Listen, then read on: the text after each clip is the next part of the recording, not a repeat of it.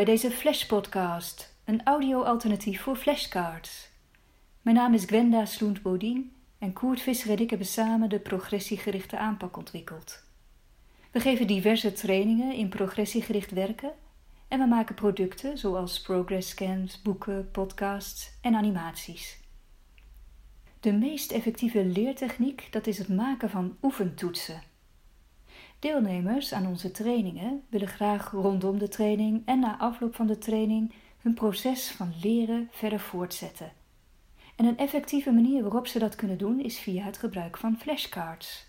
Het principe van flashcards is dat je jezelf als het ware overhoort en dat je oefent. Door op de ene kant van een kaartje een vraag te schrijven en op de andere kant het antwoord op die vraag te schrijven. Om vervolgens natuurlijk geregeld de flashcards door elkaar heen op te pakken en jezelf te toetsen. Deze podcast is een audiovariant van dat flashcard-principe. Ik stel in deze flashpodcast vijf vragen over progressiegericht sturen, twee kennisvragen, twee vaardigheidsvragen en een reflectievraag. Het idee is dat je je antwoorden op deze vragen even opschrijft. Je kunt de podcast natuurlijk op pauze zetten. En dat je na afloop naar de bijbehorende flashpodcast Progressiegericht sturen de antwoorden luistert om jouw antwoorden te vergelijken met de antwoorden die je in die podcast krijgt. Vraag 1, een vaardigheidsvraag. Peter is de leidinggevende van een team reïntegratiecoaches.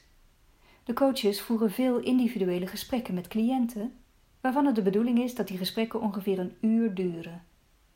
Een van de reïntegratiecoaches, Carlijn, loopt vrijwel altijd uit. Haar gesprekken duren vaak wel twee uur.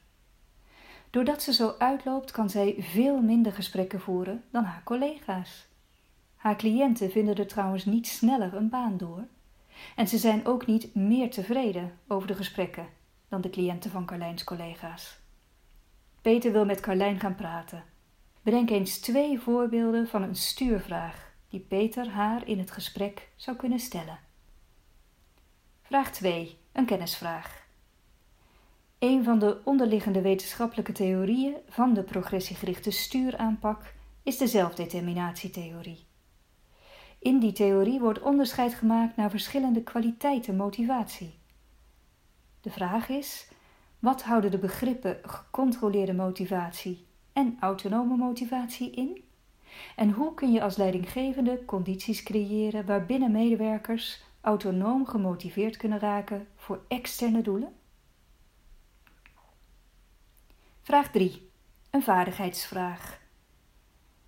Peter wil graag een rationale formuleren, zodat hij Carlijn goed kan uitleggen waartoe het belangrijk is dat zij haar gesprekken binnen de tijd die ervoor beschikbaar is afrondt. Welke formulering van de rationale is het meest progressiegericht? A. Carlijn, als je je gesprekken binnen de gestelde tijd afrondt, hoeven je collega's jouw werk niet over te nemen. B. Als je je gesprekken binnen de gestelde tijd afrondt, Carlijn, dan is dat fijner voor jezelf, want dan wordt je werk minder stressvol en leuker voor je. C. Carlijn, als je je gesprekken binnen de gestelde tijd afrondt, kunnen we alle cliënten evenwichtig verdelen over alle coaches, zodat de werklast voor iedereen goed werkbaar wordt. En D. Carlijn, als jij je gesprekken binnen de gestelde tijd afrondt, zou ik meer vertrouwen krijgen dat jij je werk aan kunt. Vraag 4. Een kennisvraag. Progressiegerichte leidinggevenden reiken bij voorkeur intrinsieke doelen aan in plaats van extrinsieke. Wat houden die twee termen in, intrinsieke doelen en extrinsieke doelen? Geef eens een voorbeeld van een extrinsiek doel of een intrinsiek doel dat een leidinggevende zou kunnen aanreiken. En weet je wat de effecten zijn van het nastreven van intrinsieke of extrinsieke doelen voor medewerkers? En tenslotte stel nou dat een medewerker zelf kiest voor een extrinsiek doel. Treden diezelfde effecten dan ook op? Vraag 5. Een reflectievraag. Een onderwijsorganisatie wil graag dat de progressiegerichte aanpak in de hele instelling wordt gebruikt. Dus dat docenten progressiegericht lesgeven, leidinggevende progressiegericht leiding geven, zorgprofessionals progressiegericht begeleiden en coachen en de overige medewerkers progressiegericht samenwerken en communiceren. Het voordeel daarvan is dat er dan congruentie gaat ontstaan, waarbij leerlingen, docenten, overige medewerkers en ouders allemaal op dezelfde manier worden bejegend. Het directieteam vindt dit zo belangrijk dat ze iedereen willen laten scholen in progressiegericht werken. En ze stellen het deelnemen aan de trainingen voor iedereen dan ook verplicht.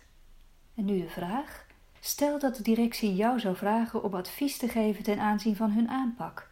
Wat zou jij dan adviseren? Denk je dat verplichte trainingen een goed idee is? En waarom wel of waarom niet? In de Flash-podcast Progressiegericht sturen de antwoorden kun je de antwoorden op deze vijf vragen vinden. Wil je op andere manieren meer leren of meer te weten komen? Kijk dan eens op www.cpw.nu voor ons trainingsaanbod en de boeken die we hebben geschreven.